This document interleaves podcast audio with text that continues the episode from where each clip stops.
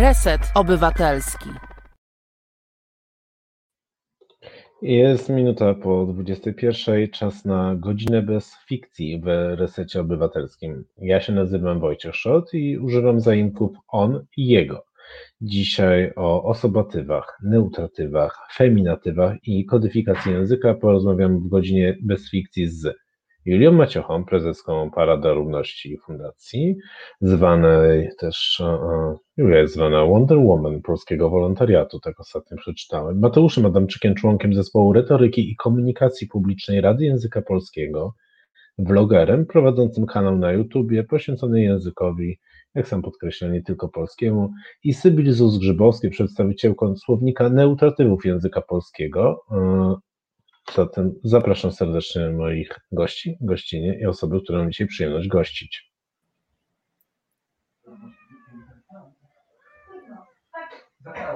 I jeszcze czekamy na Julię Maciochę. Proszę za to, że ktoś z Was ma kota. Tak. Cześć kocie. Jak, jak osoba nieludzka ma na imię? Osoba nieludzka jeszcze nie ma imienia, bo jest e, kotem tymczasowym, mhm. więc będzie można ją adoptować za jakiś czas, tą osobę. I na razie jest bardzo gadatliwa. Mam nadzieję, że my również będziemy tak samo gadatliwi jak e, osoba nieludzka. O osobach nieludzkich zresztą e, w kolejnych audycjach też będziemy rozmawiać i także o języku. Jasne jest, e, że 2020 mijający rok nie był dla nas wszystkich łatwy. Dużo rzeczy się e, działo od pandemii, zaczynając po wydarzenia sierpniowe, ale wydarzyły się też bardzo ciekawe rzeczy. Jedną z najciekawszych rzeczy, moim zdaniem, które wydarzyły się w mijającym roku, jest powstanie takiej inicjatywy jak Słownik Neutratywów Polskich, a także utworzenie Rady e, Neutratywów Języka Polskiego. Witam też Państwa, oczywiście e, osoby oglądające, słuchające nas. Zapraszam do komentowania i do zadawania pytań, bo myślę, że jest to program, w którym mamy wszyscy bardzo wiele pytań. E, zatem do Sybil pytanie. Jak to się stało, że w tym roku wpadliście, jak to się stało, że osoby wpadły na pomysł tworzenia tych inicjatyw, dlaczego w tym roku? Co się wydarzyło? To się jakoś tak e, zebrało razem ze sobą, że e, ja wymyśliłam, wymyśliłem, że e, utworzę taki słownik, który będzie, który będzie, że tak powiem, pokazywał, jak można utworzyć neutratywy, czyli jakby słowa w języku polskim, które będą rodzaju nijakiego i będą alternatywą dla feminatywów oraz dla maskulatywów. Ausir w tym czasie y, stworzył korpus, y, korpus tekstów, w którym pojawiają się y, niebinarne postacie i jak, jak one są przedstawiane za pomocą jakichś, jakichś językowych czy rodzajów, czy, czy form, czy zaimków. A Andrea stworzył wtedy stworzyło stronę zaimki.pl, na której pokazy, pokazywało w jaki sposób y, właśnie osoby niebinarne, osoby w języku polskim mówią. I tak to powoli się rozrasta. połączyłyśmy siły i mamy w tej chwili nie tylko słownik neutratywów, nie tylko korpus, nie tylko listę zaimków, ale także choćby wizytówki. Tworzymy już powoli zaimki.pl, ale w wersji angielskiej, w wersji hiszpańskiej. Pracujemy nad kolejnymi wersjami językowymi. Także powoli to idzie coraz, robi się coraz więcej rzeczy w tym. Mateusz Adamczyk, u Ciebie ten rok też jest e, bogaty w pracy nad językiem. Jak każdy. Jak każdy od kilku lat, ale y, ja się najpierw chcę odnieść do tego, co, co powiedział Sybil, bo y, ja kiedy natknąłem się na tę stronę na Facebooku, to się naprawdę bardzo ucieszyłem, że coś takiego powstało, bo mm, i, I że to tak powstało, to znaczy, że to nie była inicjatywa odgórna, powiedzmy, grupy językoznawców, którzy mogliby to też do, zrobić, ale że to jest inicjatywa oddolna. To pokazuje, że, mm, że jest potrzeba społeczna, co oczywiście wiedzieliśmy wcześniej, osoby, które się tym interesowały, też wiedziały o tym wcześniej. E, ale dla takiego, tak sobie myślę, przeciętnego, powiedzmy w cudzysłowie, użytkownika języka polskiego, to jest sygnał, że, y, że to wy, wpływa, wychodzi od nas samych. od obywateli, od użytkowników tego języka, bo przecież niekoniecznie trzeba być obywatelem polski, żeby używać języka polskiego. Więc y, to, to jest coś, co y, przyglądam się temu bacznie i uważnie, też dlatego, że, że planuję przygotować odcinek na ten temat. Zresztą tu się tak nieśmiało uśmiecham do ciebie, Sybil, żeby się z tobą skonsultować w tej sprawie, y, ponieważ im dłużej się temu przyglądam, tym bardziej dochodzę do wniosku, że jest to sprawa piekielnie trudna to znaczy, są właściwie dwie piekielnie trudne sprawy w tym temacie. Jedna to jest nasza polska gramatyka, nasz polski system języka, a druga to jest świadomość społeczna. Tej drugiej, y, ta, ta druga część jest dla mnie pewnie y, jeszcze bardziej trudna, bo to, no to, to, jest, to są lata pracy, to, tego się nie osiągnie bardzo szybko. Więc wolałbym się odnosić do gramatyki. I kiedy myślimy o polskiej gramatyce, która jest bardzo silnie mm, taka podzielona tym binarnym podziałem, ja kiedyś to badałem na potrzeby pracy y, magisterskiej, potem z tej, pracy powstała książka o płci, o samym słowie płeć w polszczyźnie. No i oczywiście nie udało się uniknąć wtedy też rodzaju gramatycznego, który podąża za tym zagadnieniem, chociaż oczywiście nie jest, nie jest tożsamy. Mm, zależy od, od, od takich grup semantycznych, od tego, o czym mówimy. Natomiast ten silny binarny podział, wydaje mi się, że z różnych względów, może jeszcze będę miał okazję tutaj o tym powiedzieć, też y, może inaczej, sama semantyka, samo znaczenie płci i w to znaczenie wpisana jest ta binarność i być może nam, Polakom, mówię tak ogólnie, czasami trudno jest mm, przekonać się do innego myślenia o, o tym zagadnieniu, o zagadnieniu płci, o zagadnieniu rodzaju za tym idącym i tak dalej, i tak dalej. E, osobą, która chyba najwięcej e, czasu w naszym gronie spędza nad zmianą społeczną, e, jest Julia Maciocha. Myślę, że Parada Równości jako narzędzie zmiany właśnie funkcjonuje i myślę, że tak je, traktujecie i traktujemy też my jako użytkownicy tejże parady. Jakie dostrzegasz zmiany właśnie w potrzebach osób, no właśnie, używających Parady Równości, jakby, czy używających w ogóle dumy, pride'u, tak, do e, wyrażania siebie?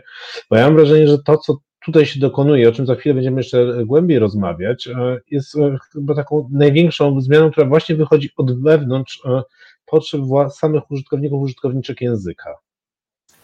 No właśnie, mm, powiem Wam, że akurat parada zmieniła się troszeczkę od środka wręcz, nie od zewnątrz. Czyli to jest to, o czym tutaj mówiliście przed sekundą, o tych użytkownikach języka, którzy po prostu wychodzą z jakąś potrzebą.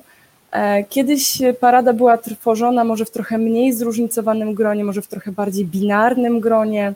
Od kilku lat e, tworzą ją również osoby niebinarne, osoby transpłciowe na pełnym spektrum. E, I, I gdzieś od nas samych zaczęło wychodzić, że pisanie kochani, kochane, y, no jakby nie do końca odnosi się do tego, do tej grupy docelowej, do której my w ogóle chcemy dotrzeć. E, więc też my zaczęliśmy zauważyć, że nasze komunikaty nie są sformułowane w taki sposób, w który według nas traktujemy e, naszych odbiorców e, z szacunkiem, odbiorczynie, osoby odbierające te nasze komunikaty. Natomiast u nas akurat y, to ma to do siebie strona na Facebooku i myślę, że Sybil tutaj też dużo na ten temat może powiedzieć. Pojawił się ogromny backlash, bo masa osób wspierająca, jak najbardziej wspierająca e, ruch queerowy, ma problem z tym, że rozpoczynamy nasze posty od drogiej osoby, bo oni mówią, że ja nie jestem żadną osobą, ja tutaj jestem tym czy tamtym, i zwracanie się do mnie osobo jest e, uwłaczające jakiejś godności, więc tutaj praca e, nad tym językiem, jeżeli sobie chcemy mówić o społeczeństwie, to są w ogóle lata świetlne, ale my w samej naszej jeszcze grupie osób queerowych, osób wspierających, nie do końca rozumiemy, dlaczego to jest ważne, z czym to się je, jak tego stosować. I tutaj też jest no, moim zdaniem też ważne to, co też już powiedzieliście, że język polski bywa mało plastyczny.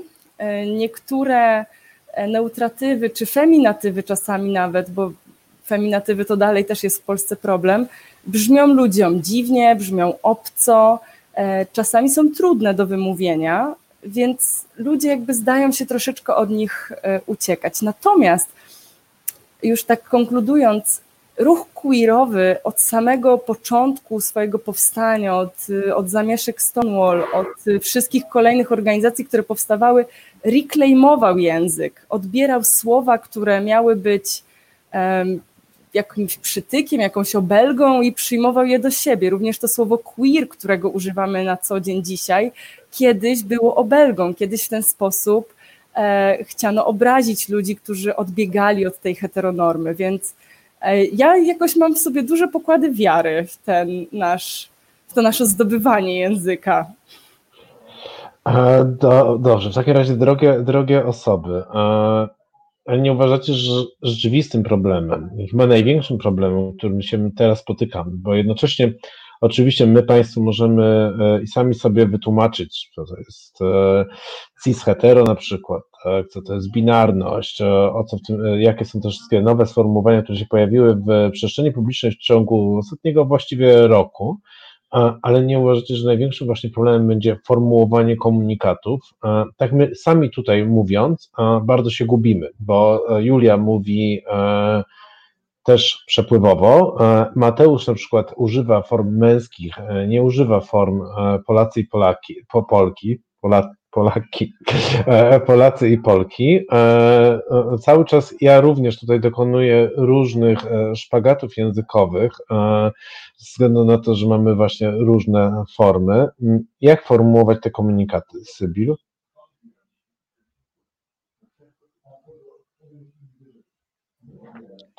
Wydaje mi się, że najbardziej inkluzywną formą, jeżeli chodzi o liczbę mnogą, wciąż będzie jednak rodzaj niemęskoosobowy, ponieważ to jest, można, to, można się zwrócić do osób, prawda, zawiera w sobie, e, można się tak zwrócić i do osób, które w liczbie pojedynczej mówią o sobie w rodzaju żeńskim, w rodzaju nijakim, w dukaizmach, prawda, nawet e, są takie słowa rodzaju męskiego, które, w liczbie pojedynczej, które w liczbie mnogiej są w stanie tworzyć, e, tworzyć tylko ten, e, łączyć się z czasownikiem, który jest e, w liczbie, w rodzaju niemęskoosobowym.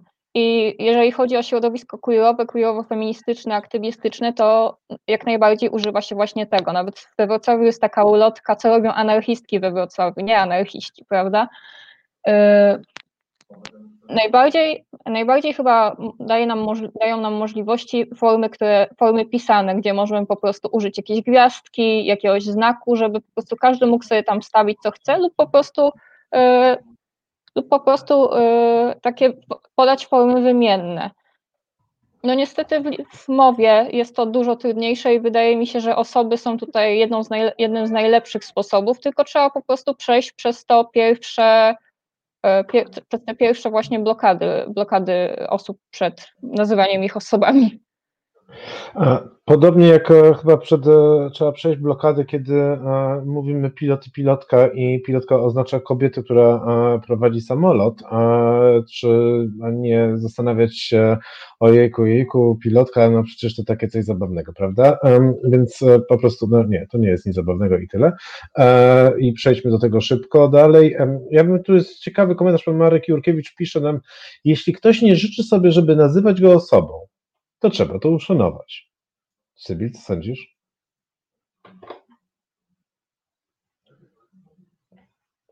Zgadzam się jak najbardziej, tylko pytanie, jaką tutaj bardziej jeszcze inkluzywną formę możemy znaleźć? No, bardzo, bardzo, jest to, bardzo jest to trudne, żeby znaleźć coś, co będzie bardziej, coś, co będzie jeszcze bardziej pojemne, ponieważ osobami nawet możemy e, nazwać, nazwać osoby, które nie są ludzkie, prawda? Możemy tego użyć wobec y, postaci na przykład niebinarnych, nie tylko, zresztą nie tylko niebinarnych, wobec na przykład zbioru postaci z, y, z jakiegoś tekstu kultury, które nie są ludźmi, prawda? I nie, nie wiem, co by mogło być tutaj bardziej inkluzywne. Rzeczywiście trzeba to uszanować, ale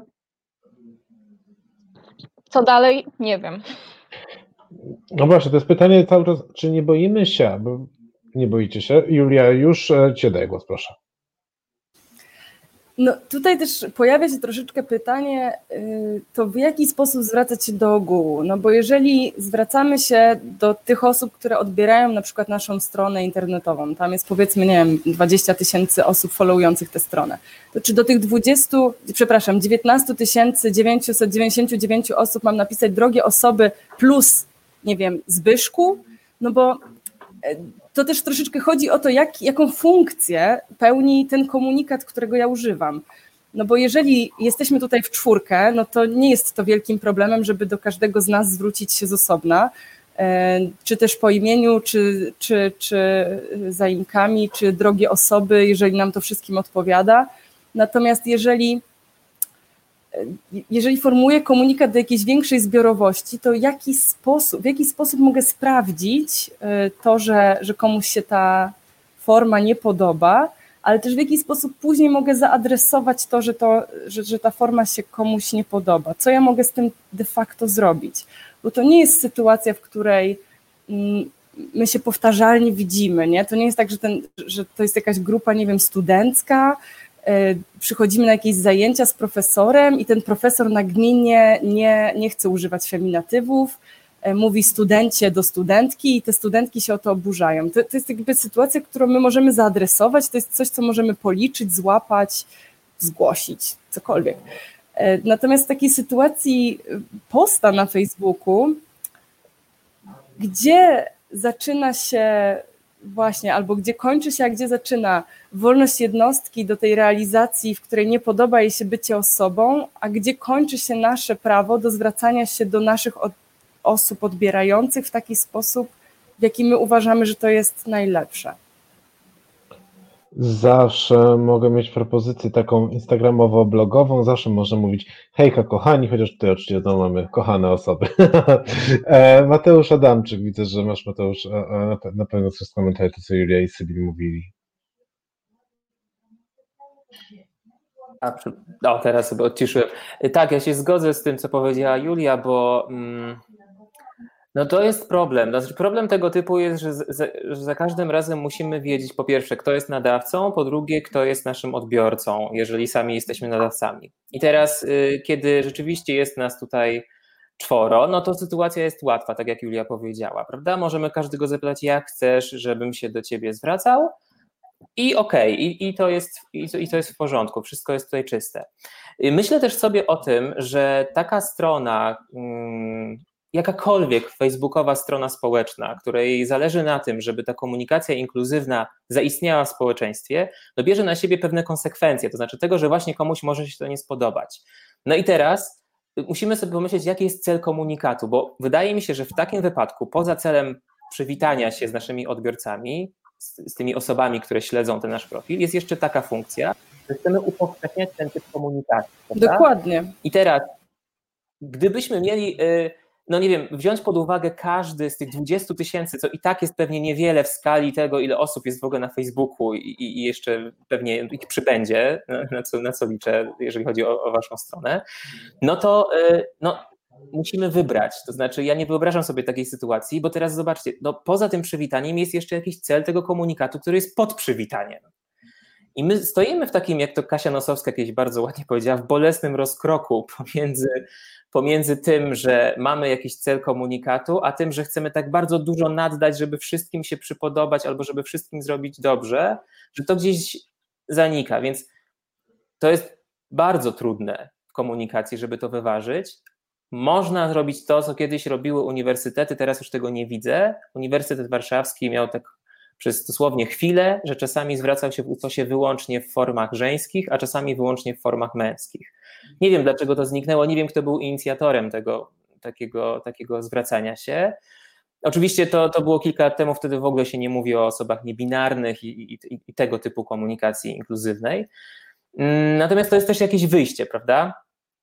Że można raz tak, raz tak. Można w jednym nagłówku zawrzeć formy i te inkluzywne, i te powiedzmy tradycyjne. I to też nie jest najgorsze wyjście. Dlaczego? Dlatego, że najgorsze, co możemy zrobić, jeśli chodzi o komunikację społeczną, to yy, mówię, użyję tego słowa w takim dużym cudzysłowie, to przemocowo wchodzić z tą komunikacją. To znaczy, jeżeli wybierzemy, zdecydujemy się na towarzyszenie sobie tych form, to jest szansa na to, że taki przeciętny odbiorca, taka przeciętna odbiorczyni spojrzy na to i zobaczy to, co już zna i to, co nowe, i nie będzie jej się to nowe wydawało aż tak bardzo obce, aż tak bardzo odstręczające. Więc może nie wiem, to jest. Ja ciągle się pytam o to, bo na to nie ma gotowej recepty.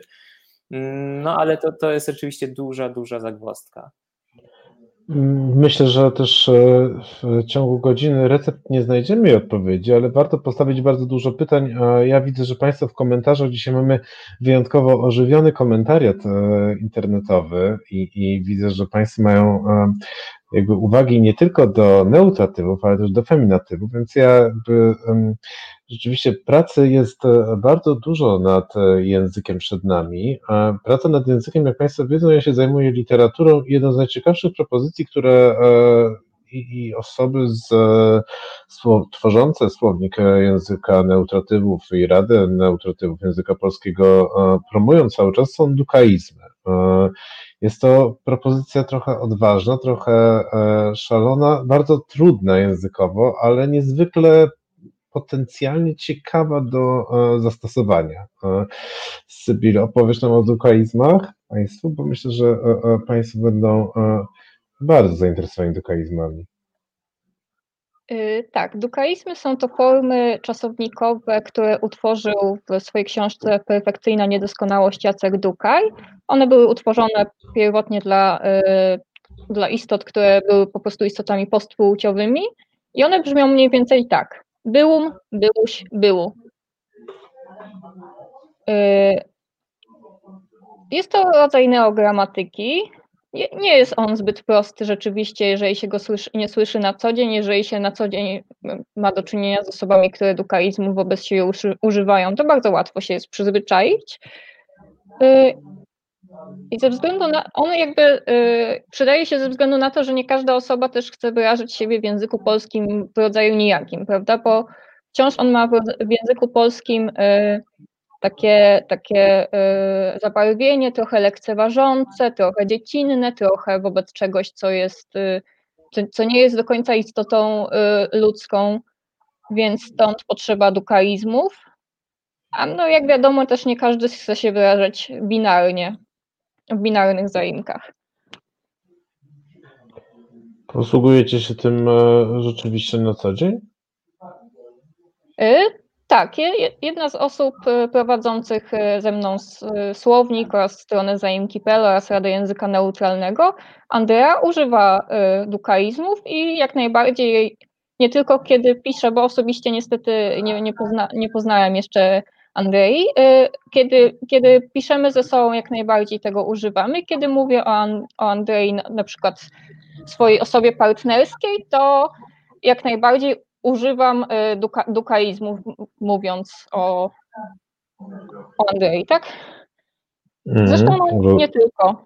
Nie tylko właśnie chodzi o dukaizm, jak najbardziej używam na co dzień, co dzień rodzaju nijakiego i to nie tylko normatywnego z użyciem ono jego, ale także z użyciem zaimków y, form żeńskich, czyli ono jej, z form łączonych, ono jego i tak dalej. Dużo pracy e, przed nami. E, tak mi się wydaje, że, że literatura, literatura kilka razy podejmowała ten e, temat językowy, między innymi Lem, którego za chwilę rok nam parlament nasz ogłosił, więc myślę, że to świetny rok dla neutratywów, ponieważ mają fantastycznego patrona. Mateusz? Y, to prawda. Y, Lem, Lem użył form, form, jak to my nazywamy, łosiowych, czyli form rodzaju nijakiego byłą, byłoś.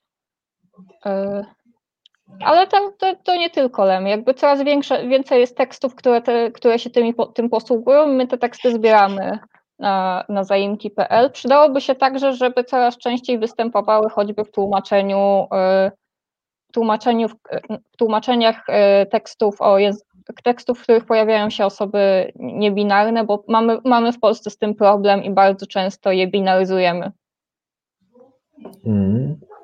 Julia, z jakimi e, postulatami spotykasz się właśnie od e, osób, które chcą włączyć się w wolontariat, od osób, które chcą współpracować z Paradą Równości?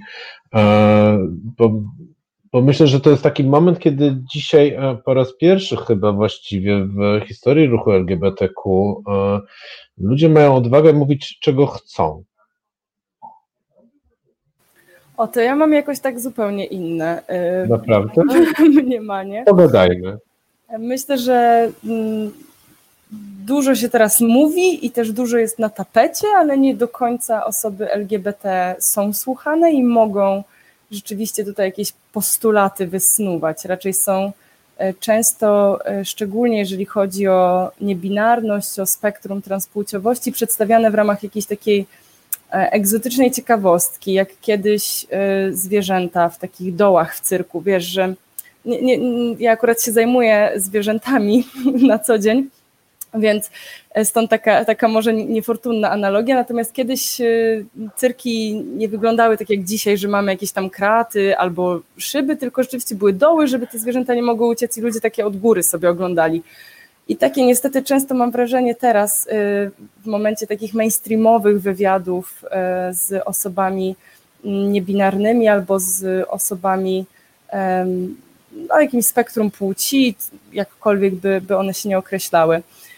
Mm, u nas akurat zauważyłam taką tendencję, y, oczywiście to też jest ważne, Paradę Równości robią osoby głównie młode, 95% z nas nie ma nawet ukończonego 20 roku życia, co też jest ciekawe, że w naszym kraju za największą imprezę LGBT-ową odpowiada, e, odpowiadają nastolatki.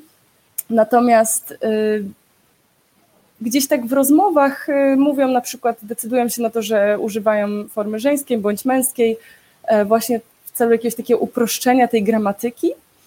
E, natomiast te różnego rodzaju, e, czy to lemowe, czy, czy jakieś troszeczkę zaangielszczone końcówki używają w formie pisanej na naszej grupie.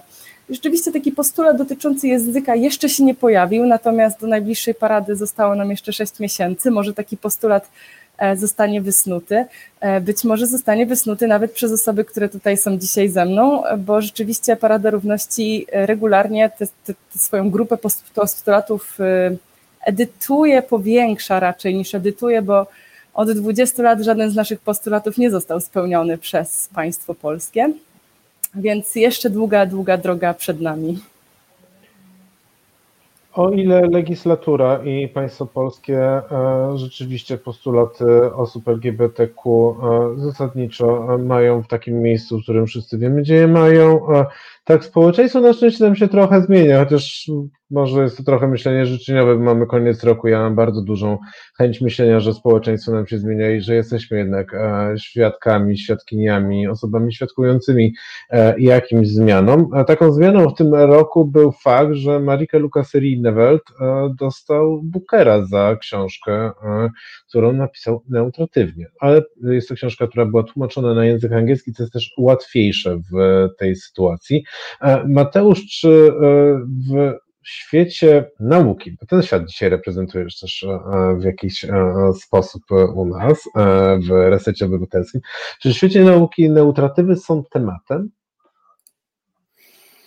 Są tematem u młodszych badaczy, starsi badaczy. Y, no powiedzmy, znaczy wiem, że zajmuje się tym y, poniekąd y, dwoje profesorów, właściwie profesorka i profesor pani profesor, jak ja mówię zwykle, Lindę Usiekniewicz i profesor Łaziński. Ale nie powstało na ten temat jeszcze wiele prac, to znaczy cały czas jest problem tego typu, że właśnie trzeba, tak jak powiedział Sybil, zebrać korpus. Słyszałem, że wy macie korpus, więc, więc to już jest pierwszy krok do tego, żeby poczynić jakiekolwiek badania. E, gromadzenie korpusu trwa pewien czas, ponieważ to są konkretne wymogi naukowe, które on musi spełniać, musi być zrównoważony, musi zawierać odpowiednią liczbę tekstów gatunkowo zróżnicowanych itd., tak itd. Tak Więc ja podejrzewam, że te badania gdzieś tam trwają, natomiast nie odczuwa się takiej przemożnej chęci przyglądania się tym zjawiskom. Y, to jest zaskakujące też z tego względu, że kiedy ja wybierałem z moją promotorką temat mojej pracy magisterskiej, to się okazało, że nikt nigdy w tym kraju nie zbadał tego, jak zmieniało się słowo płeć. Nikt tego tematu nie dotknął nawet. E, więc wyobraźcie sobie, jeżeli zaczynamy od, od samego słowa płeć i przygląd... Te, temu się nawet nie przyjrzeliśmy, prawda, jeśli chodzi o badania językoznawcze. Mm, I właśnie dzisiaj pokutuje między innymi to, że teraz cały czas używamy dosyć swobodnie takiego sformułowania, które mnie się już coraz mniej podoba, właściwie mi się wcale nie podoba, kiedy myślę sobie o, o komunikacji inkluzywnej, czyli rodzaj nijaki. Moim zdaniem to jest paskudna nazwa E, to jest nazwa wykluczająca sama w sobie, dlatego że gdybyśmy spojrzeli do słowników i do korpusu w związku z tym, to wyrazem e, bliskoznacznym do wyrazu nijaki, nie mówię teraz o rodzaju nijakim, ale w ogóle o nijaki, jest bezpłciowy. No i teraz zobaczcie, co się dzieje, czyli co, co jest poza binarnością. Mało tego, wie, wiemy, że jest też tak, że nijaki bezpłciowy albo obupłciowy, to jest ten szereg synonimiczny, gdzie obupłciowy wskazuje na to, że to jest osoba, osoba, osobnik, który ma cechy dwupłci, czyli znowu binarność. Nie ma niczego pomiędzy tymi dwiema płciami. Jest są tylko cechy obu płci, ewentualnie są to cechy mieszane, ale wciąż obu płci. Więc jeżeli mówimy o rodzaju nijakim, to może byśmy zaczęli, może dzisiaj nam się uda wymyślić jakąś ładniejszą nazwę po prostu dla tego rodzaju. Bo rzeczywiście jest tak, tak jak mm, Julia powiedziała, trochę Mm, w starszych tekstach to bardzo dobrze widać. Znaczy w ogóle obupłciowy, taki przymiotnik, był używany w kontekstach boskości, w cudzysłowie. Znaczy to były jakieś postaci z innego świata. E, tak, to, to, to, nie byli, to nie byli ludzie. Im odmawiano w ogóle człowieczeństwa i to nie wcale nie chodzi o to, że podnoszono ich do rangi boskości, tylko wyrzucano ich. To był ten inny, prawda, ten, który żyje, funkcjonuje poza ramami społeczeństwa. Po drugie, zresztą ten rodzaj też dopiero teraz zaczyna być używany, wykorzystywany na szczęście nieco inaczej, ale rzeczywiście e, czasowniki w rodzaju nijakim spotykaliśmy dotychczas, powiedzmy do 5 lat wstecz jeszcze, głównie w bajkach dla dzieci, prawda? Słoneczko mówiło o sobie, że widziałam, świeciłam i zaszłam i dlatego to się kojarzy też pejoratywnie, więc to jest znowu inny poziom. Może zacznijmy od tego, żeby nie mówić o rodzaju nijakim, skoro on już przydajemy mu inną funkcję, bardzo poważną funkcję, bo to jest naprawdę, myślę, że powinniśmy zacząć też od tego, żeby zrozumieć, że, włącz, że, że włączenie ludzi, którzy nie wpisują się w tę binarność, mówienie o nich, włączenie ich do społeczeństwa, no to to jest przecież coś, co powinno być dla nas priorytetem. Po prostu jako dla ludzi, jako społeczeństwa, jako takiego. E, a nie, a nie gdzieś tam przy okazji na boku może wykorzystajmy sobie coś, y, bo, bo teraz jest taka moda, bo wiecie, y, to jest też mnie zastanowiło to, co ty powiedziałaś, y, Julio, bo powiedziałaś, że właśnie jakoś tak mało tego głosu jest osób, które powinny być tym najbardziej zainteresowane i powinny mówić najgłośniej. Wydaje mi się, że akurat w tych mainstreamowych mediach jest też tak, że zaczęła być na to moda. I teraz oczywiście to zjawisko ma dwie strony. Po pierwsze, taką oto, że to jest dobre, bo się o tym mówi, ale z drugiej strony jest to po prostu kolejny gadżet, który kultura sobie przypina, bo jest ładny, bo jest atrakcyjny, ale za kilka miesięcy albo za pół roku przestanie być atrakcyjny, bo się znajdzie inny temat. Mnie bardzo denerwuje takie pojęcie tematu zastępczego, mm, czy tak właśnie takiego tematu przygodnego jakiegoś. I niestety odnoszę wrażenie, że właśnie w mediach takich mainstreamowych to jest taki temat bardzo przygodny. To znaczy, przeżujemy, wyplujemy, zostanie z tego papka, a potem pójdziemy dalej i znajdziemy sobie coś innego. E, I dlatego właśnie jeszcze raz podkreślam, że bardzo się cieszę, że te oddolne inicjatywy wychodzą, bo, bo to jest najważniejsze. Znaczy, jeżeli to się tam zakorzeni, to będzie bardzo trudno to stamtąd wykopać. No to prawda, że jak się zakorzenimy i zakorzeniliśmy się, to już w tym roku pokazaliśmy, że to tak trudno jest nas wykopać. Ile Maciocha? No właśnie, tutaj to jest bardzo ważne, co Mateusz mówisz, bo ja działam akurat w organizacjach pozarządowych już 12 lat. Troszeczkę się wystraszyłam, jak to policzyłam właśnie sobie w głowie, przepraszam.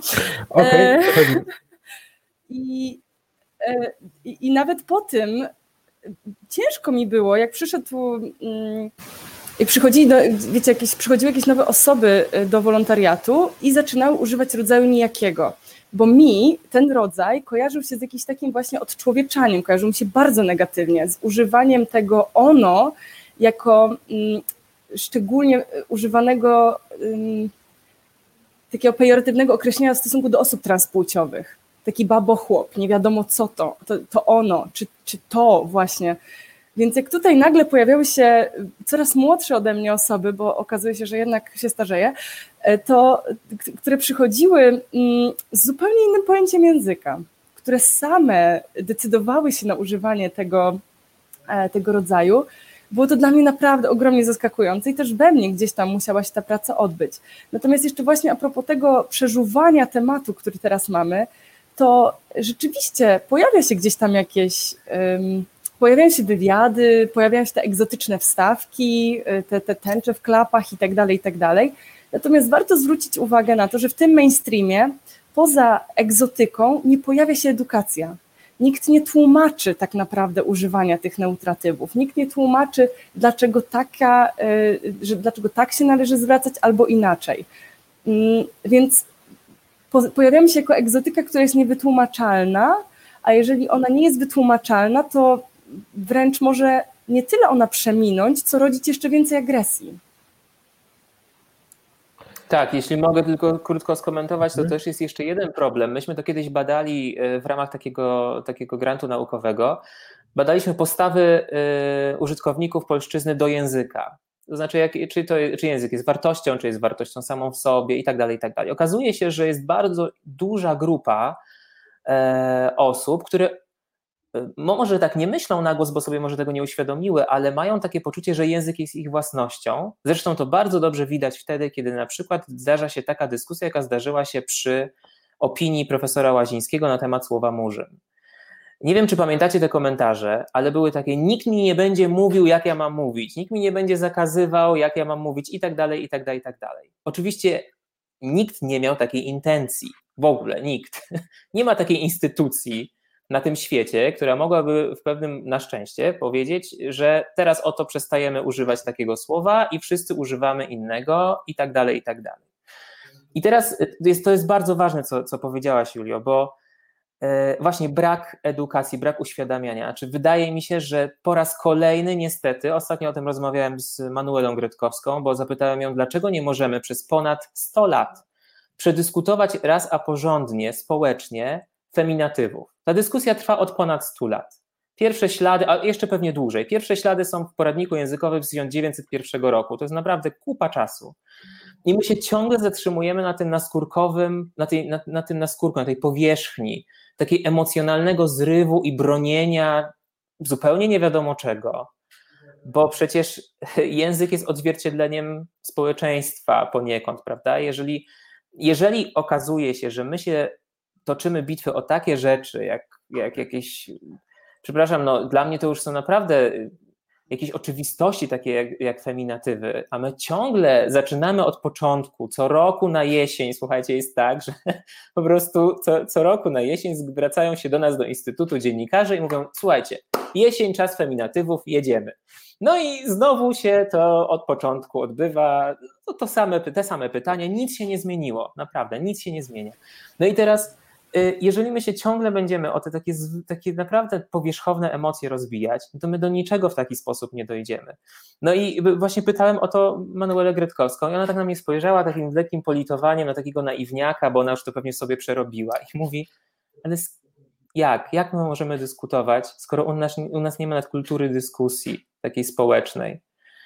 Że e, wszystko jest odbierane jako atak i od razu przenoszone na poziom wartości w cudzysłowie oczywiście, prawda, bo nikt nie wie, czym to tak naprawdę mogłoby być, no ale tak. E, mamy, e, mamy tutaj bardzo dużo komentarzy, więc ja przepraszam, muszę się też do nich troszeczkę e, odnieść, bo e, nie jesteśmy w próżni. Bardzo chciałbym podziękować Rony. Ten e, komentarz przez jakiś czas miało mopu przed mówieniem w rodzaju neutralnym, przyczajenie się do tych form było w pewnym sensie uwalniające. Bardzo dziękuję za ten komentarz. Myślę, że wszystkim on nam coś ważnego powie.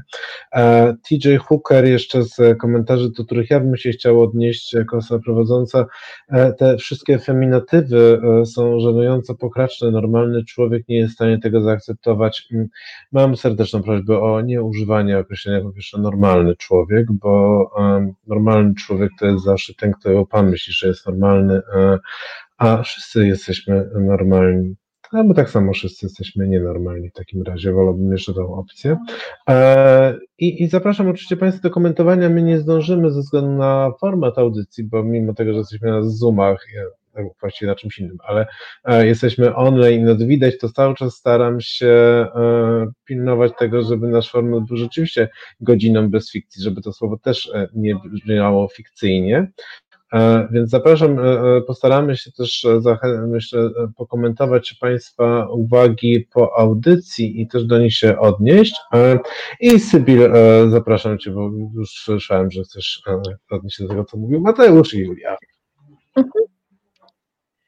Dla mnie bardzo dużym problemem jest to, jakie podejście mają, mają osoby osoby używające języka polskiego, osoby z Polski do poprawności językowej. Jest jakiś horror po prostu patrzenia na to, co jest ultrapoprawne. Źle się uczy o poprawności, bo poprawność językowa to nie jest coś, co, dan, co jest dane nam na tablicach raz na zawsze i że my się mamy patrzeć. Poprawność to jest coś, co my wyciągamy z żywego języka i co się zawsze zmienia. I jak dla mnie, znowu feminatywy, dla mnie najbardziej fascynująca była dyskusja na słowniku empatycznym akurat y, o słowie ratownica, ponieważ w jednym artykule, tak z dwa miesiące temu, y, osoba, która jest właśnie ratownicą medyczną, stwierdziła, że bardziej wolałaby formę ratownica niż ratowniczka. I ile się po prostu naczytałem.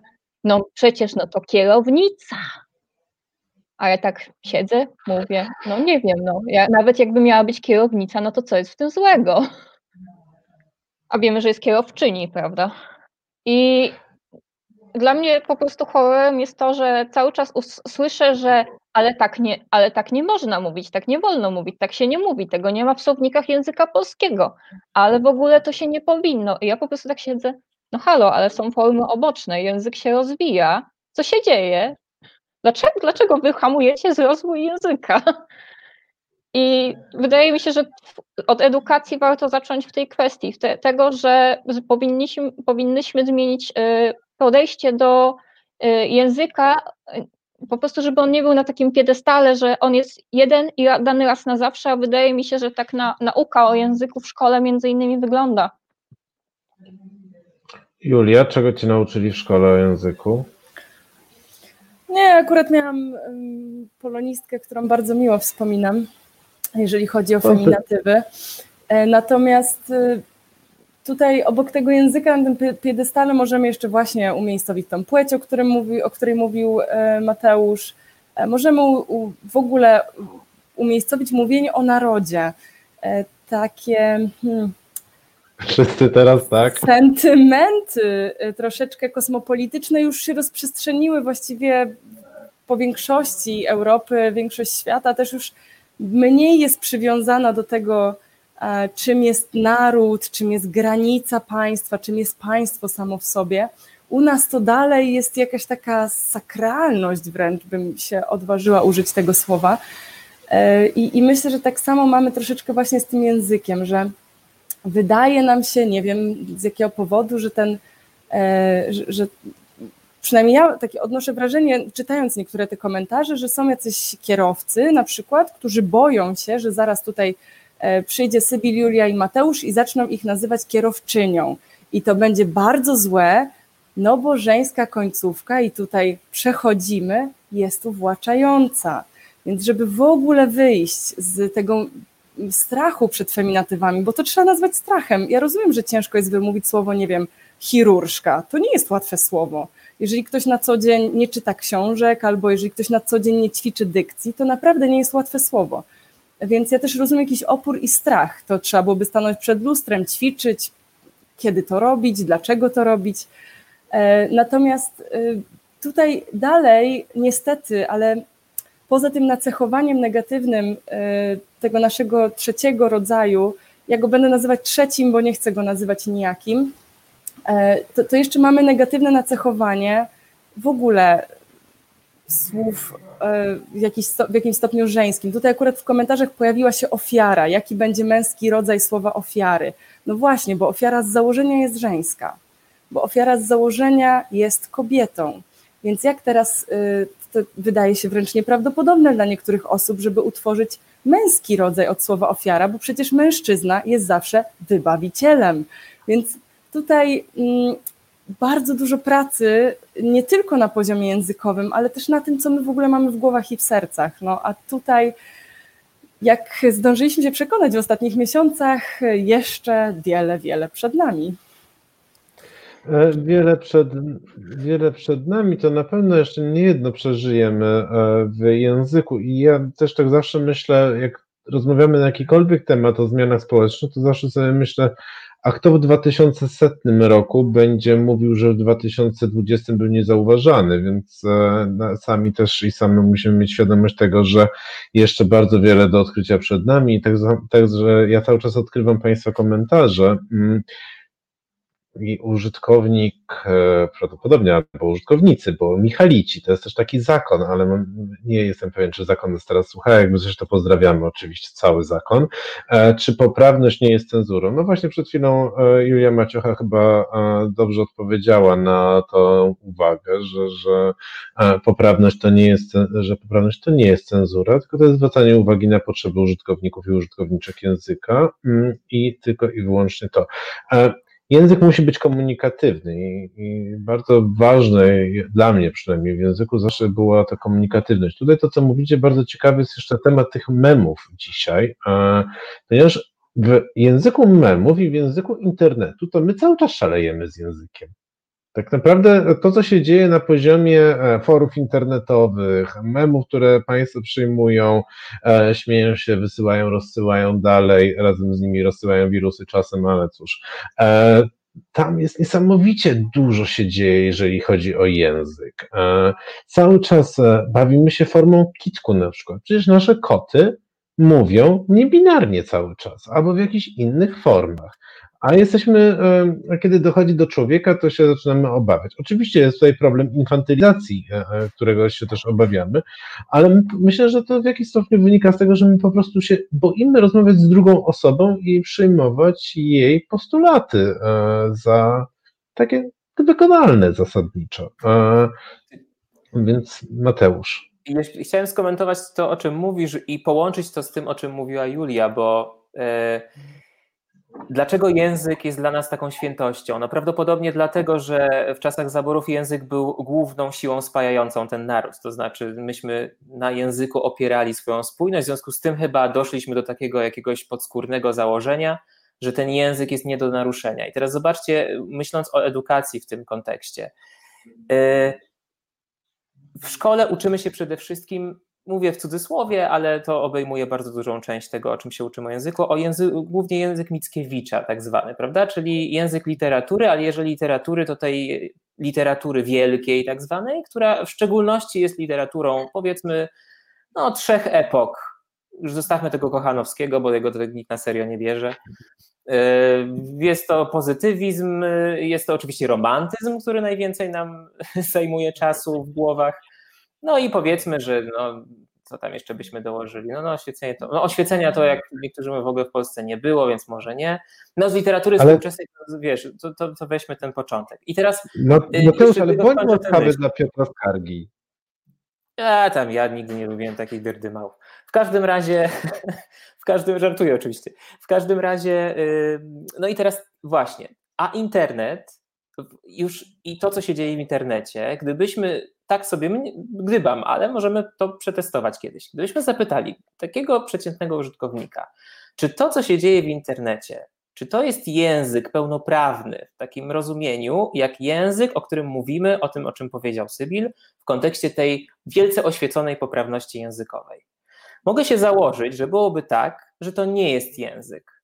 To jest jakiś quasi język, to jest podjęzyk, to jest takie, wiecie, takie, że można się od tego opędzać, można tego używać, ale z lekkim wstydem, że język to jest to właśnie, co jest kodyfikowane w pewien sposób i my tak bardzo lubimy o polszczyźnie myśleć, o polszczyźnie jako takiej właśnie, po pierwsze o najtrudniejszym języku świata, co jest oczywiście kompletną bzdurą, e, o tym, że jesteśmy tacy wyjątkowi przez ten język.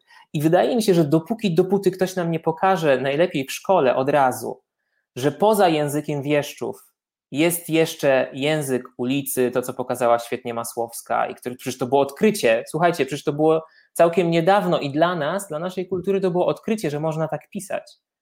No to wiecie, były wcześniej takie próby eksperymentalne, one zawsze były obudowane jakimś takim wielkim kontekstem, potem zasypane tymi mądrymi głowami literaturoznawców, którzy chcieli to jakoś tak bardzo w ten gorset naszego myślenia o kulturze wsadzić. No i teraz, gdyby pokazać nam, że formy internetowe, że to, że to, co się dzieje z językiem w internecie, to jest język współczesny naszego społeczeństwa także. I nie ma się czemu, czego wstydzić, bo to w ogóle nie jest kategoria do tego, żeby się wstydzić. Nie przykładajmy wiecznie, bez przerwy kategorii dumy, wstydu i tak dalej do, do, do wszystkiego, co dotyczy nas, Polaków, Polek i języka polskiego. Jak się tego wyzbędziemy, to wydaje mi się, że będzie nam trochę łatwiej spuścić z tego balonu trochę powietrza i wreszcie właśnie zapytać kogoś, jak chciałbyś, że, czy chciałabyś, czy chciałobyś, żebym się do ciebie zwracał. Zapytać o potrzeby tej drugiej osoby. Gdyby ktoś mi powiedział, nie, nie znoszę feminatywów, proszę tak do mnie nie mówić, okej, okay, mogę to zrobić, prawda? Nie muszę, mogę być hamem, ale mogę to zrobić z czystej przyzwoitości i grzeczności. I to jest też kwestia odpowiedzialności. Wydaje mi się, że zrzucanie odpowiedzialności na to, o czym powiedział Sybil, na poprawność językową skodyfikowaną, jest właśnie odsuwaniem od siebie odpowiedzialności za język. Nie bierzemy odpowiedzialności za słowo. I to jest, mimo że byśmy tak o sobie pewnie nie powiedzieli, jako, jako naród. Ale wydaje mi się, że, że to jest jednak tak to działa. Co byśmy powiedzieli jako naród jest e, pytaniem, które Dorotę Masłowską w jej prozie również zajmuje e, i to jest pytanie, które, które nigdy nie odpowiemy, ponieważ ten naród nigdy nie będzie potrafił na nie odpowiedzieć. Taka jest jego cecha, myślę, konstytucyjna. E, Znowu odnoszę się jeszcze, póki jesteśmy na wizji, e, a raczej w eterze, ale e, eter dzisiaj jest nam na wizji. E, pan Adam Kowalczyk, albo osoba podpisująca się pseudonimem Adam Kowalczyk, bo właściwie tak chyba byłoby najpoprawniej aktualnie. Ruszanie problemów pierwszego świata w czasach rozwiązywania poważnych problemów egzystencjalnych jest nonsensem szkodliwym wizerunkowo środowiskom wolnościowym. Ja tu od razu odniosę się do tego, że mamy tu problem z określeniem pierwszy świat. Pan zakłada, że są inne światy, bardzo się cieszymy, ale nie wartościujmy światów. One wszystkie mają ten sam sens i, i w tych wszystkich światach się odnajdziemy. E, I Oli bardzo dziękuję za komentarz, bardzo to wszystko jest ciekawe, także dla tych jak ja trochę starszych od osób dyskutujących, a pracujących w języku. Dziękuję, super jesteście. Bardzo Ci Jolu dziękujemy, e, też jesteś e, super. Więc wracamy do, właśnie, wracamy do naszej rozmowy po krótkiej przerwie dla Państwa i Sybil. Ja bym się chciała odnieść do komentarza Adama Kowalczyka, ponieważ bardzo często to słyszę i chciałbym powiedzieć, że e, są różne problemy. Jedne są bardziej podstawowe, inne są mniej podstawowe, ale wszystkie, wszystkie możemy rozwiązywać jednocześnie, bo to nie jest tak, że w momencie, w którym rozwiązujemy te bardziej poważne problemy, nie, nie znajdzie się jakaś siła u kogoś, no to żeby rozwiązać te mniejsze. Albo są osoby, które nie są w stanie rozwiązać tych dużych problemów, ale są w stanie rozwiązać te mniejsze. Ja na przykład nie byłbym w stanie zająć się problemami lokatorskimi, problemami, y, problemami mieszkaniowymi, czy prowadzić długotrwale dużych protestów, ale mogę zająć się neutralnym językiem, bo mam na to siłę. Brawo. Znaczy, muszę powiedzieć, że e, e, to jedna z najpiękniejszych chyba e, wypowiedzi, jakie w ogóle kiedykolwiek usłyszałem. Bardzo Ci dziękuję. Julia? No i też ważne z perspektywy osoby, która pracowała z osobami doświadczającymi przemocy, to co dla nas wydaje się miałkim problemem, dla innych jest problemem, który przykrywa i przyćmiewa całe ich życie. I proszę sobie tak czasami zrobić taki teścik, nie? I to już polecam wszystkim, nie tylko jakimś tam panu, który pewnie jest trolem, E, żeby się zastanowić nad tym, trochę wejść w te buty, e, postarać się wejść w te buty osoby, która właśnie na przykład doświadcza przemocy, albo osoby transpłciowej, do której rodzina nie chce zwracać się wybranymi zaimkami czy wybranym imieniem. To, to naprawdę są fajne testy, bo odkrywamy tą swoją empatię, którą ja też wierzę, że my wszyscy gdzieś głęboko mamy, tylko czasami ją sobie gdzieś tam zamykamy i nie chcemy do niej się, do, do, do niej się dobijać. I też już a propos E, też tego, co Sybil powiedział, to przypominam, że na przykład prawa dla osób LGBT, równe prawa dla osób LGBT y, nie odejmą wam waszych praw. Dlaczego? Dlatego, że równe prawa to nie jest ciasto. To nie jest tak, że jak ja zjem kawałek, to dla was zabraknie. Tych ciast jest nieskończona ilość i naprawdę wszyscy możemy się najeść i są marchewkowe i czekoladowe i takie jak kto lubi, więc naprawdę e, dajmy sobie troszeczkę luzu i też e, odkrywajmy, bo myślę, że też temu ta audycja służy, żeby trochę odkryć innego e, świata. Tak, i poznać piękne metafory, który, którymi można się e, porusz, których można się poruszać. I one są takie bardzo budujące, rzeczywiście w tym okresie, zwłaszcza e, teraz, gdzie e, często ciasto występuje. Jesteśmy zatem, jak już widzę, na etapie przesłań też, o które chciałem trochę Was na koniec poprosić. Zatem, ponieważ Sybil i Julia już swoje przesłania do Państwa wygłosili, Mateusz, przesłanie dla Państwa na nowy 2021 rok? Ja powiem to trochę inaczej niż to, co już powiedziałem i to, co często powtarzam też moim studentom, że nabywanie świadomości języka jest nabywaniem świadomości i wrażliwości na drugą osobę i na siebie samego. I to działa w dwie strony. To znaczy, jeżeli nabędziemy wrażliwości będziemy wrażliwi na drugą osobę, to natychmiast nasz język stanie się też bardziej wrażliwy. Ja bym sobie tego i wszystkim nam życzył, bo żyjemy też w takich czasach, gdzie łatwiej jest komuś przywalić językowo, mm, niż powiedzieć dobre słowo. Więc y, jakbyśmy tak sobie chociaż po jednym małym, dobrym słowie na, na tydzień, na dzień, na wieczór i na poranek, to byłoby fajnie. Czasem myślę, że e, najbardziej potrzebujemy zacząć od mówienia miłych słów samym sobie, że lubimy siebie e, i czujemy się dobrze tym, kim jesteśmy, ale żeby czuć się dobrze tym, kim jesteśmy, muszą nam Państwo też czasem pomóc i, i, potrzebujemy wspólnoty w tym byciu e, dobrze i w tym dobrostanie, do którego mamy nadzieję, że będziemy dążyć w najbliższym 2021 roku, po 2020 roku, który jak wszyscy dobrze wiemy, e, dla dobrostanu był bardzo trudny, ale jednocześnie w tym 2020 roku ja mam swój statement, słuchajcie, to jest bardzo miły moment.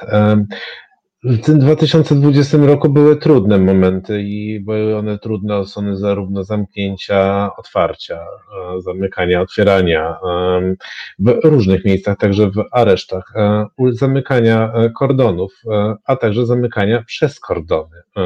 Byliśmy po bardzo różnych stronach barykad, czasem przypadkowo, czasem było zabawnie, czasem nie było zabawnie. Kiedy podrygiwaliśmy w rytm disco, by za chwilę hmm, napierdalać się z neziolami. E, było bardzo różnie, proszę Państwa. Mówiliśmy w bardzo różny też sposób. Mówiliśmy wulgarnie, mówiliśmy do siebie miło, mówiliśmy rozpaczliwie, kiedy byliśmy zamknięci. Był bardzo trudny rok, ale cóż, przeżyliśmy e, i idziemy dalej i idziemy po jakąś zmianę. Jak ta zmiana będzie wyglądała, zobaczymy, przekonamy się w najbliższym roku. Moim zdaniem, e, jeżeli mam i mogę wygłosić jeszcze to jedno zdanie, jedno z najciekawszych inicjatyw tego roku taką inicjatywą, która rzeczywiście zmienia świat w bardzo delikatny i powolny sposób, ale e, informując. E, zapraszam na stronę zaimków, e, zaimki.pl, tak? Bo ja w tym właśnie pięknym momencie zapomniałem, jaka jest końcówka, ale zaimki.pl. Zapraszam na stronę, zapraszam do śledzenia słownika neutratywów języka polskiego. Jeżeli Państwo mają więcej pytań w tej kwestii, to zapraszam do zadawania, ale też do pytania osób, z którymi Państwo rozmawiają i słuchania tych osób, słuchania odpowiedzi, bo my dzisiaj nie słuchamy odpowiedzi, my zadajemy pytania, ale słuchanie odpowiedzi nie jest e, czymś, e, co nas nauczono. Mm, więc zapra zapraszam, zapraszam również e, już w nowym 2021 roku do kolejnej Właśnie mnie wyłączono na chwilę do kolejnej audycji e, Godzina bez fikcji e, Państwa i moją gościnią będzie Ilona Wiśniewska, reporterka e, pisząca o krajach zimnych, północnych. Czy tęsknimy za zimnem, o tym będziemy rozmawiać. A dzisiaj Państwa i moimi osobami, które gościłem, byli Julia Maciocha, Parada Równości, Fundacja Parada Równości, Mateusz Adamczyk, e, vloger, e, zapraszam bardzo na YouTube również e, i Sybil Grzybowskie, słownik języka neutratywów polskich. Serdecznie Państwu dziękuję, dziękuję Wam za rozmowę, dziękuję Państwu za wszystkie komentarze. Jeszcze postaramy się po dyskusji do nich odpowiedzieć. Dobrej nocy, cześć.